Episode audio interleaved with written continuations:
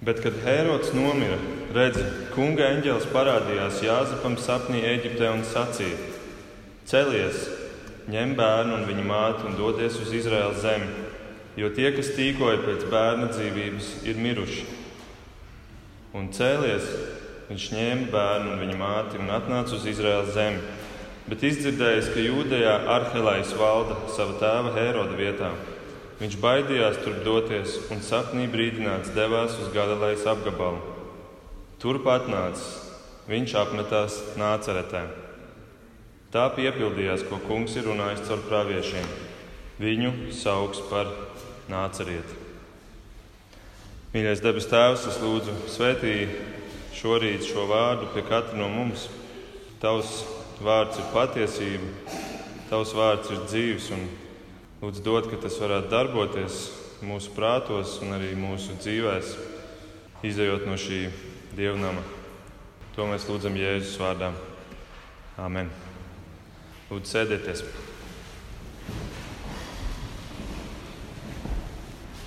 Visa Bībele, gan jaunā derība, gan arī vecā derība grozās ap vienu galveno personu, vienu spilgtāko tēlu Dievu sūtīto mesiju, cilvēku grēku, izpircēju, taisnotāju, ķēniņu, ķēniņu, Kristu Jēzu. Viņš ir atrodams katrā Bībeles grāmatā, kā simbols vai kā metāfora. Viss ir par viņu, un viņš ir visa piepildījums. Un tādēļ Bībele Jēzu sauc daudzos vārdos. Viens par otru vārdu ir skaistāks, un varenāks un augstāks. Un neviens no tiem, lai cik arī dišs būtu šis vārds, nespēja pilnībā aprakstīt viņa godu. Bet starp visiem šiem skaistiem tituliem ir kāds viens, kas īpaši izceļas, kuram ir cits skanējums, cita aura. Tam nav ne miņas no tiem augstumiem, no tā dievišķuma un no tā ķēnišķīguma ko viņš ir cienīgs piedāvāt sev. Šis tituls ir gluži pretējs. Tas ir ļoti cilvēcisks un ļoti zems. Šis tituls ir nācerietis. Nācerietis, un tā es arī vēlos šodienas tēmu nosaukt Nācerietis. Kā šodienas teksts apliecina, kur mēs lasījām tikko, tad šis tituls Jēzum tika piešķirts jau agrā bērnībā. Un šis tituls viņam saglabājās līdzi cauri visai dzīvei, līdz brīdim, kad viņš karājās pie krusta un virs viņa tiek piesista zīme, uz kuras ir rakstīti četri burti - Inrī. Jēzus nācerietis, jūdu ķēniņš. Jēzus nācerietis, jūdu ķēniņš. Un šajā zīmē Kaut arī tie, kas to piesita, nebija to plānojuši, tomēr Dievs šajā zīmē parāda to Jēzus pilno identitātes amplitūdu no ķēniņa līdz nācerietim.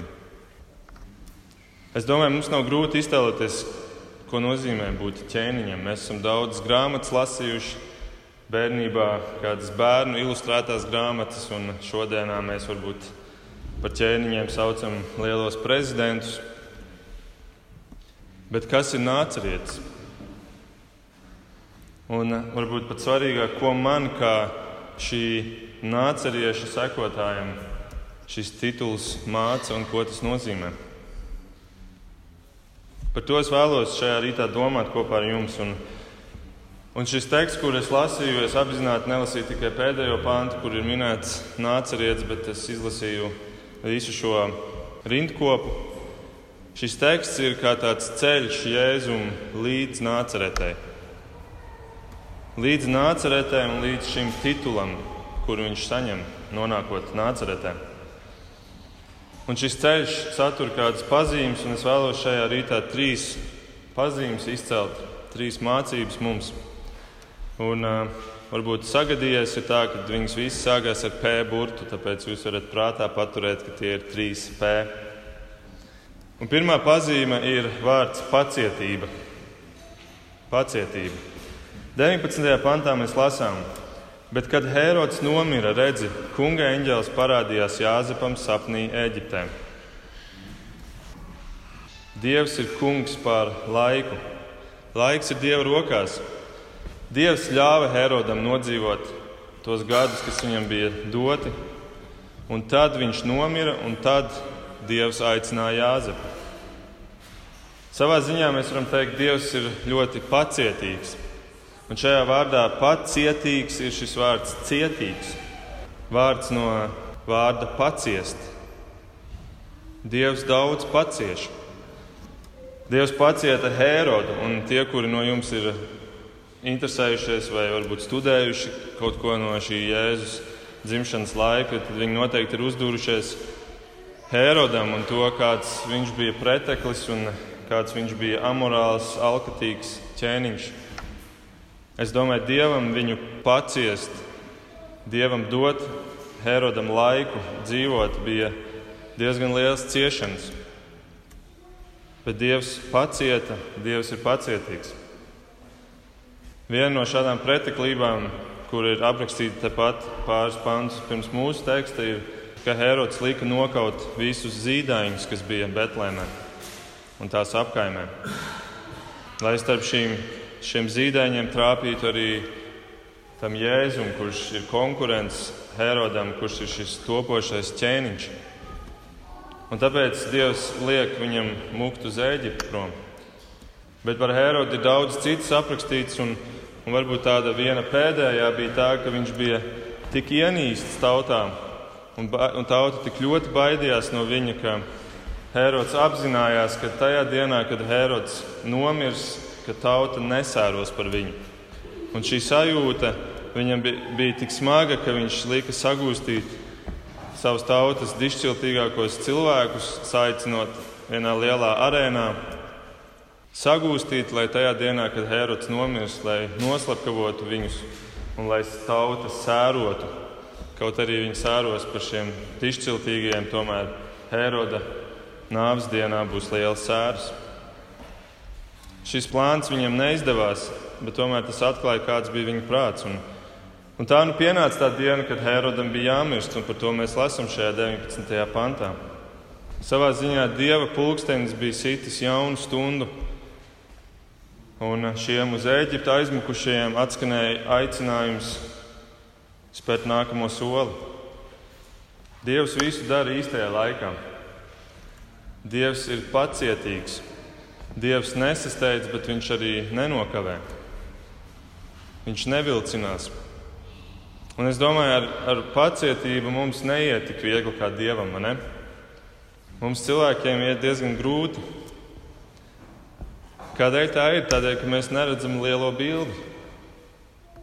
Mēs neredzam lielo bildi, mēs neredzam, kas tur aiz tām sekundēm, minūtēm, aiz tiem rādītājiem, kuri mūsu laika pulkstenī, mūsu dzīves pulkstenī tikšķi. Tikšķi tik maziem solīšiem, un tas risinājums vēlamies netuvojās, mēs neredzam to lielo bildi. Un es domāju, ja mēs ja mēs tajā, tajā mūsu dzīves pulksteņa ciparnīcā, ja mēs pie tām stundām redzētu tādas bildītas, tādas ilustrācijas, kurā mēs redzam, kā mūsu dzīve attīstīsies uz priekšu, tad mēs būtu pacietīgāki. Dievs redz šādu ciparnīcu, viņš zina nākotni, viņš redz lielo bildi, un tādēļ viņš arī ir pacietīgs. 700 gadus pirms Kristus dzimšanas viņš pravietim Mīkam atklāja, 5. nodaļas 1. pantā. Tu, Betlēm, Efratā, sīkākā no jūdas saimēm, no tevis nāks tas, kam jākļūst par valdnieku Izrēlā. Un paiet 700 gadi, un notiek precīzi tas, ko Dievs zināja, kas viņa pulksteņa ciparnīcā bija uzzīmēts. Piedzimst Jēzus tur Betlēmē, tik necilā vietā, tik maza varbūtība, ka kāds liels valdnieks varētu nākt no šādas mazas vietas. Bet Dievs zināja vēl daudz vairāk. Viņš zināja, ka viņiem būs jāmūk uz Eģipti. Tajā ciparnīcā bija vēl nākamā bilde, kur bija Eģipte redzama. Bet vēl vairāk viņš zināja, ka pienāks tā diena, kad viņiem būs atkal jāatgriežas no Eģiptes atpakaļ uz Izraēlu. To Dievs bija jau Hozejam teicis, un 11. nodaļā Hozeja raksta, ka Izraels bija zēns, es viņu mīlēju, un no Ēģiptes es izsaucu savu dēlu. Dievs zina nākotni, un viņš ir pacietīgs, jo viņš redz lielo bildi. Ko tas māca man? Es domāju, gan to, ka Dievam uzticoties arī manai pacietībai ir spēja augt. Ja es apzinos, ka Dievs redz lielo bildi arī manā dzīvē, Viņš redz manas dzīves pulksteni, Viņš redz tās nākamās stundas, kas ir manā dzīvē priekšā, tad man ir pamats ticēt, ka es varu būt pacietīgs. Es varu būt pacietīgs ar savas dzīves izvēlēm, ar rūpēm, ar tām bažām, kas man varbūt ir šodien, ar tām, ar kurām mēs katrs šajā rītā šeit sēžam, kurus mēs esam atnesuši savā mugursomā līdzi uz šo baznīcu. Bet es domāju, tas māca man vēl kaut ko, un tas māca to, ka Dieva pacietība un kontrole pār manu vēstures gaitu ļauj man viņam uzticēties, ļauj man viņam būt paklausīgam. Ja viņš kaut ko saka, tad nevis šaubīties, nevis apšaubīt to, bet uzticēties un sekot viņam. Un tas mūs aizved pie otrā P burta. Otrais P ir paklausība. 20. un 21. pantā mēs lasām, ka Jāzepam nāk eņģēlis un viņš saka: Celies, ņem bērnu un viņa māti un dodies uz Izraēlas zemi, jo tie, kas tīkoja pēc bērna dzīvības, ir miruši. Ko dara Jāzeps? Un cēlies, viņš ņēma bērnu un viņa māti un atnāca uz Izraēlas zemi. Jēzus ceļš uz nācereti atklāja ne tikai dieva pacietību, bet arī Jāzepa paklausību. Patiesībā pat Jāzeps parāda šeit pacietību. Viņš pacietīgi gaida atgriešanos no Ēģiptes uz Izraēlu. Viņš gaida burtiski tūkstnesī.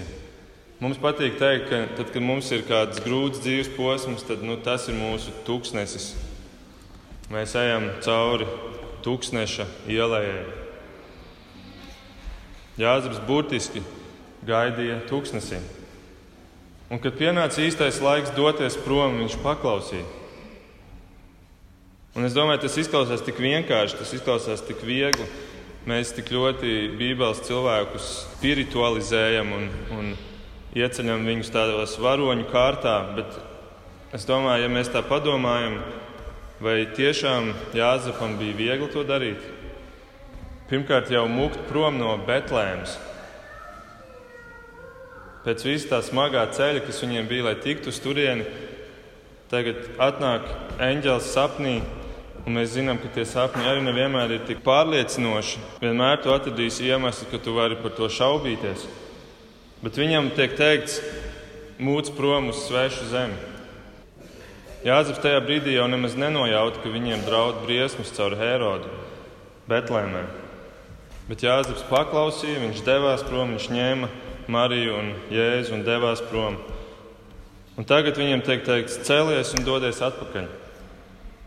Un es domāju, viņi tur, teologi saka, viņi tur pāris gadus dzīvojuši, bija, viņi bija iekārtojušies, bija pieņēmuši šo jauno dzīves, jaunos dzīves apstākļus. Tagad Dievs viņiem saka, celies un ej atpakaļ. Dodies atpakaļ tur, kur pirms tam draudēja nāve. Un tad, kad mēs lasām 22. pāntu, nākamo, tad mēs redzam, ka tur ir rakstīts, bet izdzirdējis, ka jūdejā Arhelais valda savu tēva Herodu vietā, Jāzeps baidījās turp doties. Pēc Heroda nāves romieši sadalīja jūdejas zemi trīs daļās. Patiesībā četrās daļās, trīs dēliem un vienai meitai. Un viens no šiem dēliem bija Arhelais. Viņam tika nodalīta jūdejas zeme. Un literatūra liecina, ka Arhelais nebija daudz labāks par savu tēvu Herodu. Ja Herodam vēl bija bijis prātiņš, un viņš domāja par saprātīgu attīstību, ekonomiski, tad Arhelais bija plānprātiņš. Bez visa tā ļaunuma un amoralitātes viņam vēl pat nebija saprātīga lēmuma, un tāpēc viņš bija vēl bīstamāks. Un mēs redzam, Jāzepam ir bail. Jāzepam ir bail, bet šis 22. pāns turpinās. Viņš baidījās tur doties, un sapnī brīdināts viņš devās uz Galilejas apgabalu.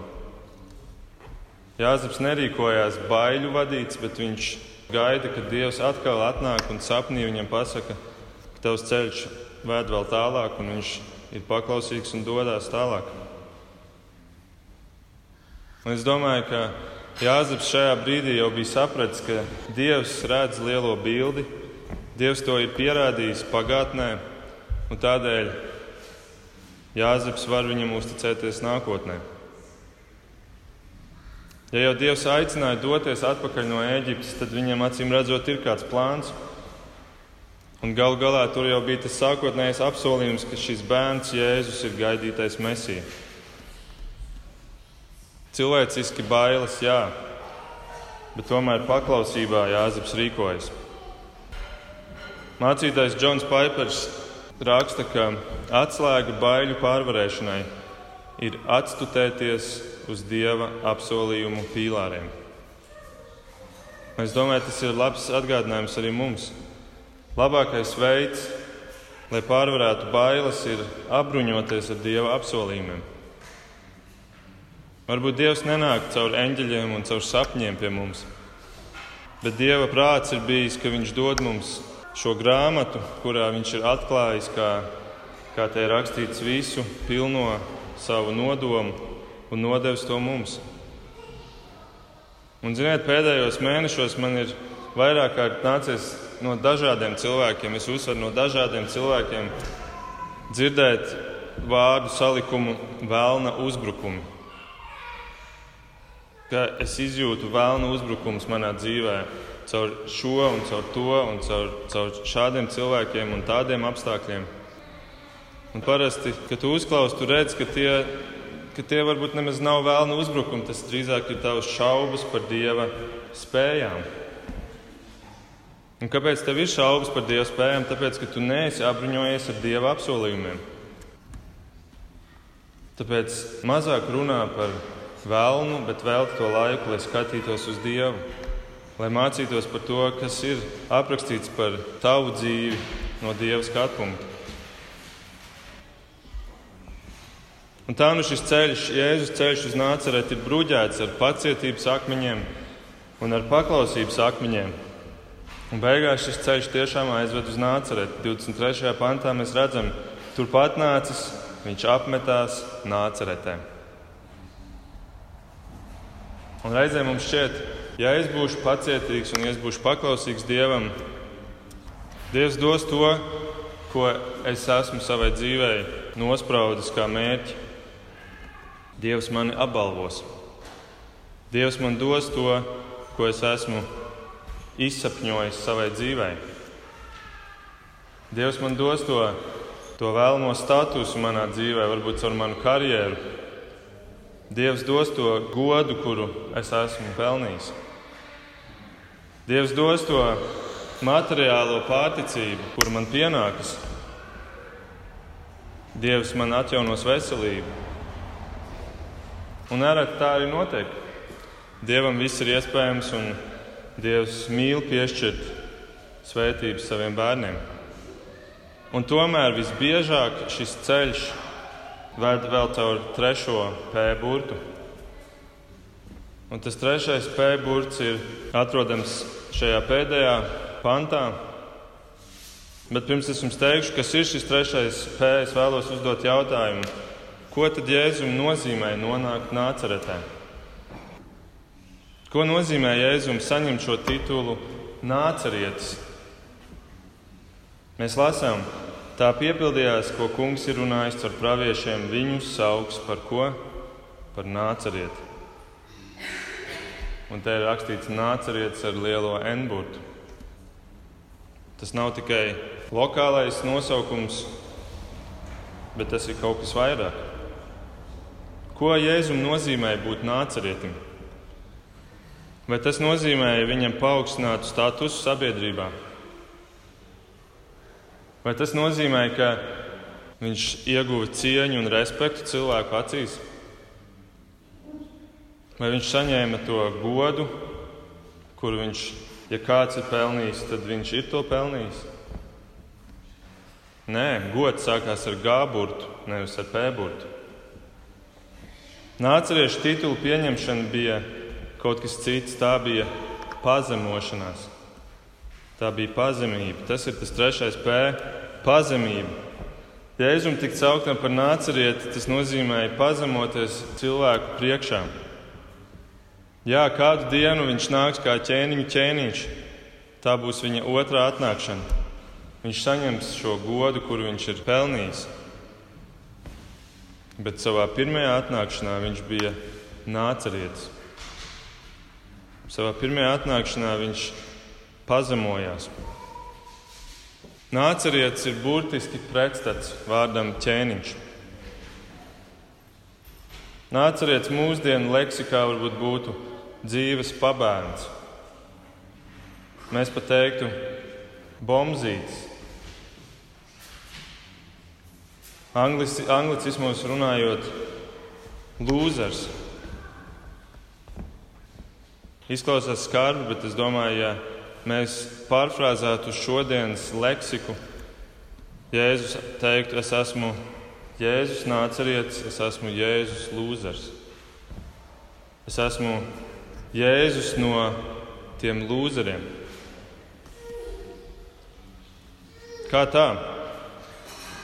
Tolaik Izraēlas zeme bija, kā jau minēju, sadalīta vairākos reģionos, un ziemeļi bija Jūdeja, kur Arhilais valdīja. Vidienē bija Samarija, kurā bija pagānu sajaukums, un tāpēc jūdi ļoti izvairījās no samariešiem. Bet dienvidos bija Galileja, un tā bija jūdu nicināta savas nabadzības un sava zemā sociālā statusa dēļ. Cilvēki bija tik nabadzīgi, ka mēs šodien viņus sauktu tiešām par bezpajumtniekiem, par par to visu, ko es nosaucu iepriekš. Tas bija tas sliktais rajons Izrēlā. Un šajā Galilejā, šajā, šajā ielā, šajā zemajā, nicinātajā vietā bija vēl kāda zemāka, kāda dziļākā bedra. Un tā bedra bija nācereta. No jau zemās Galilejas vēl bija zemāka vieta, un tā bija nācereta. Un tikt sauktam par nācerēt, tas bija lamvārds. Tas bija tituls nicinājumam. Kad Matejs raksta šodienas vārdus, un viņš izceļ, ka viņu, ka Jēzu šādi sauca, iespējams, ka viņam bija prātā 22. psalms, kurā ir teikts, kurā Jēzu saka, bet es esmu tārps, nevis cilvēks, ļaužu paļāts un nicināts. Visi, kas redz mani, mēdās tie šķobu lūpas un krāta galvu. Nācerieši bija nicināti ļaudis. Vai varbūt Matejam bija domā tā raksturvieta, kur es ievadā lasīju, Jēzus 53, kur ir teikts, nicināts un ļaužu atstumts vīrs, kam brūcis un kas pazīst sāpes. Itin kā tāds, no kā apslēpjas seju nicināts, un mēs viņu ne par ko neturējām. Pirms Jēzus varēja atvērt muti, lai dotu dzīvības vārdus, kuru dēļ viņu sāka nicināt. Viņš jau bija nicināts nācerētas dēļ, savu nācerēšu statusa dēļ. Pravieši teica, kādu dienu viņš nāks un viņš tiks nicināts. Un ar šī nāceriešu titulu tas jau piepildījās pirms Jēzus vispār sāka kaut ko darīt. Mēs atceramies pat Natānēls, tas, tas māceklis, par kuru ir rakstīts, ka viņam ir šķīsta sirds, viņā nav atrodams nekādas viltības, un viņš domā tikai labu par cilvēkiem. Pat viņš saka, vai no nācerēts var būt kas labs?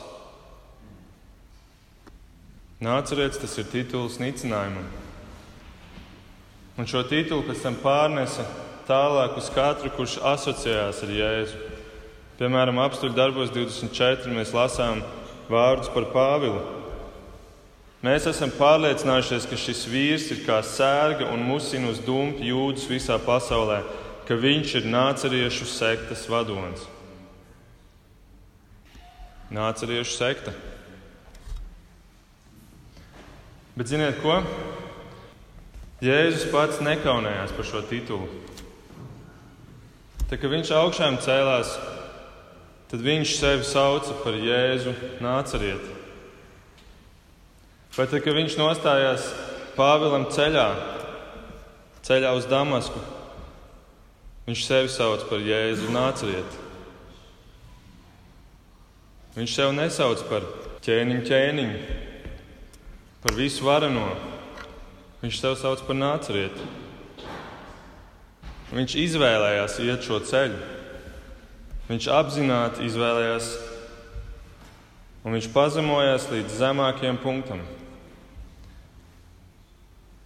Es jau teicu, Izraēlas tumšākā ielai bija Galileja, un tajā bija vēl dziļāka bēda nācerēt. Bet pat tajā viņš ļāvās, ka paši nācerieši viņu noraida, atstumj, izsmeja. Tad, kad viņš savas misijas laikā atgriezās Nāceretē un mācīja sinagogā, tad viņi nevienu viņu nepieņem, bet viņi izgrūž viņu ārā, aizvelk līdz klintas malai un cenšas nogrūst lejā. Un pirms diviem gadiem, kad es tur biju Izrēlā, mēs arī bijām iebraukuši Nāceretē, un tur ir, tur ir pilsētiņa, un tad ir tāda augsta klints, un tās klints galā ir ir vecā nācerēt, un tur ir tāda baznīciņa stāv. Un tagad es tur biju, es, es domāju par šiem vārdiem, un ka pat savās mājās viņu nepieņēma.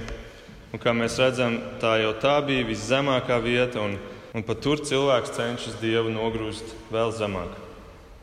Bet tā bija Jēzus izvēle.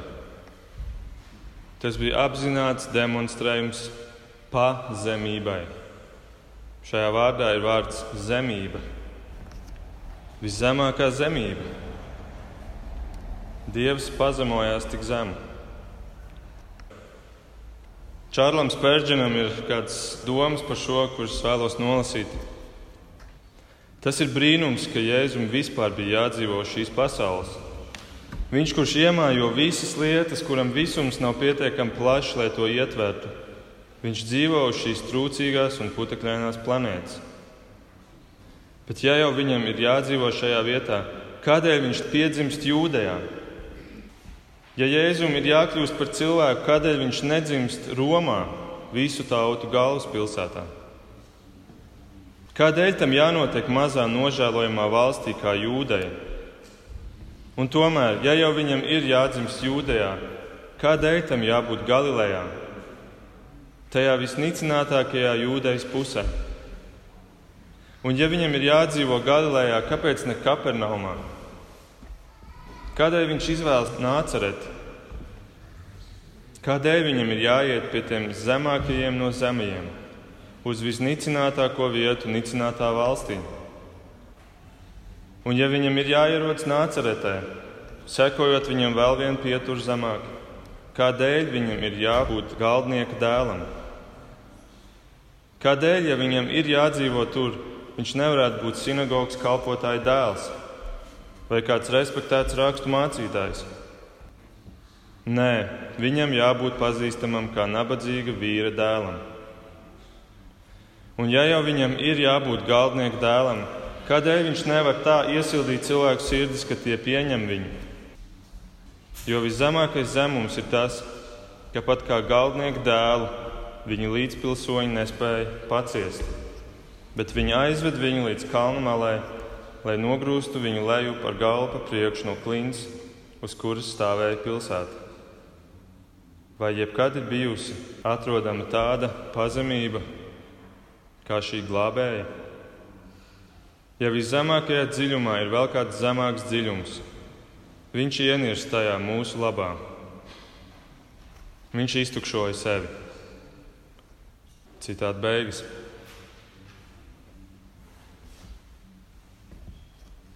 Ja kāds pasaules dižais paskatās uz Jēzus dzīves stāstu, uz viņa CV, viņš varētu teikt, nu tas jau nav nopietni. Pasaules reliģijas līderis piedzimis Betlēmē, sīkākajā no jūdas saimēm, bijis bēglis Eģiptē uzaudzis nāceretē nabagu ielējas dziļākajā bedrē. Un tad vēl sauc sevi par nācerieti. Kāda gan šim cilvēkam var būt pašcieņa, ja viņš izvēlas iet šo ceļu?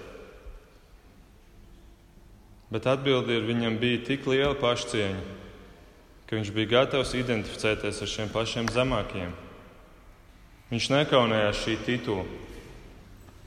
Un es domāju, ja mēs esam tik zemi nokāpuši, sekojot Jēzum, tad jautājums ir mums katram, kas mūs šajā dzīvē var novest tik zemu, ka mums ir jājūtās aizvainotiem, vai sekojot šim nācerietim, es sagaidu dzīvi ar, ar panākumiem, un, un es nerunāju par, par panākumiem dieva acīs, bet pēc cilvēku standartiem.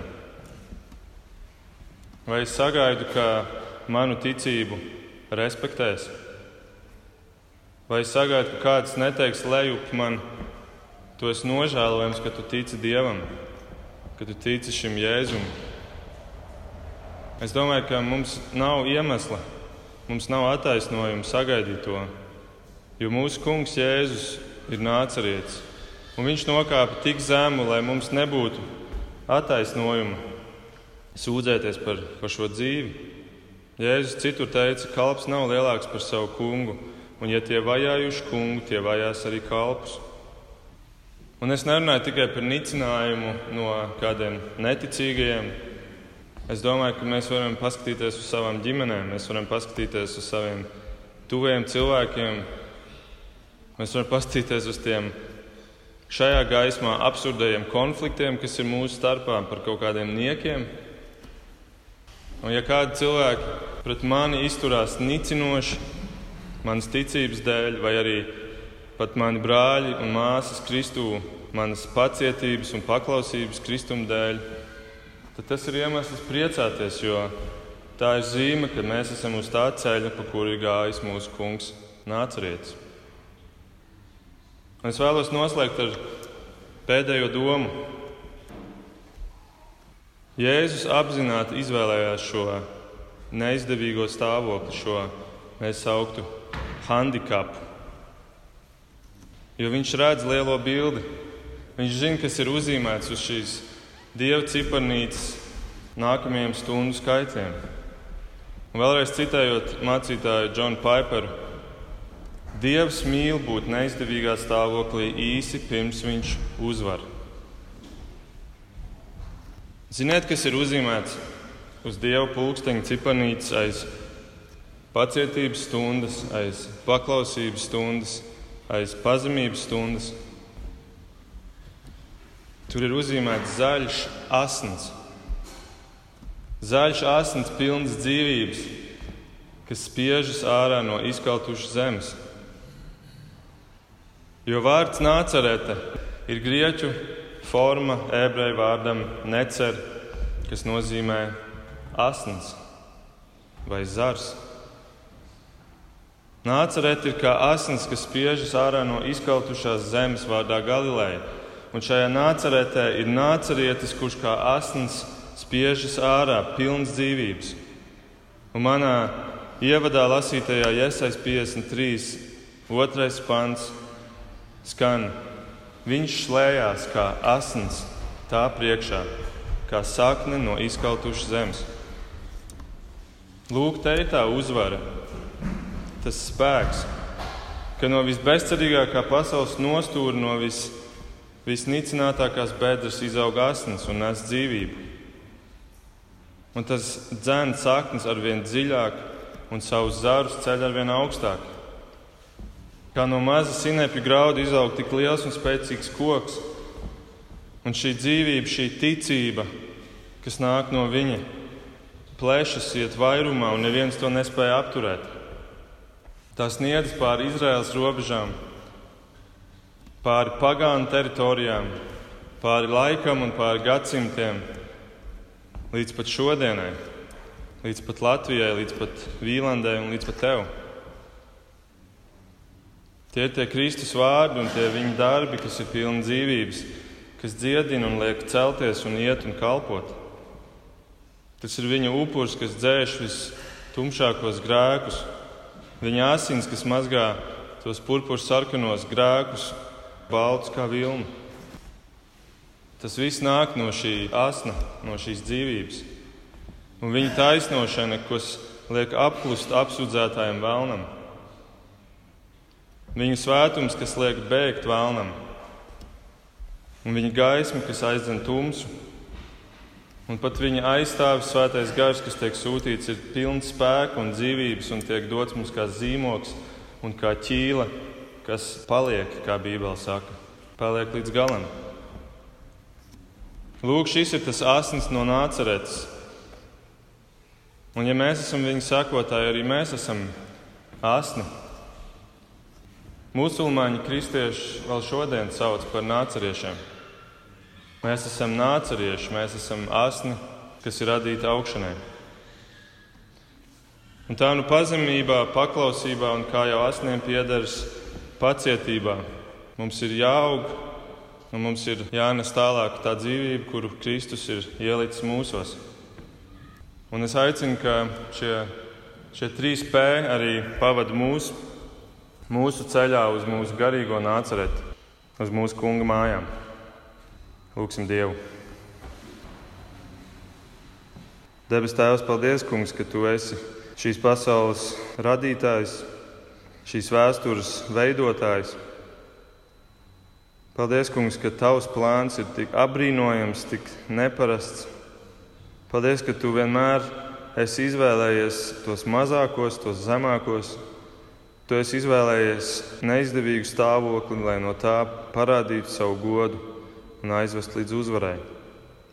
Paldies, Kungs, ka pat sūtot savu dēlu Jēzu, Tu sūtīji viņu uz zemāko vietu. Un es Tev lūdzu, Kungs, ka mēs kā viņa sekotāji, kā šie nācerieši, ka mēs varētu dzīvot cienīgu dzīvi bībliskiem jēzum, kādu Bībeli mums viņa atklāja. Kurš gan ir ķēniņš, ķēniņš, bet kurš nolika to malā un pazemojās. Paldies, Kungs, ka tu esi tik spēcīgs, ka pat visbezcerīgākajā situācijā tu spēj dzīt asnu, tu spēj radīt dzīvību. Paldies, ka neviena no mūsu dzīves situācijām, kas šodien ir šeit, nav bezcerīga, tik bezcerīga, lai tas nebūtu iespējams. Lūdzu, darbojies mūsu dzīvēs, lūdzu, dod, ka mēs varam būt, būt gatavi arī iet pazemības, un pacietības un paklausības ceļu, lai tu vari to patieso godu nest mūsu dzīvē, caur šo dzīvību, to vairojot. Tā varētu arī sniegties citu cilvēku dzīvēm. Ka tas, kas paliek pāri no mūsu skaitītā laika šajā dzīvē, varētu būt mūžīgs. Jēzus vārdā. Amen.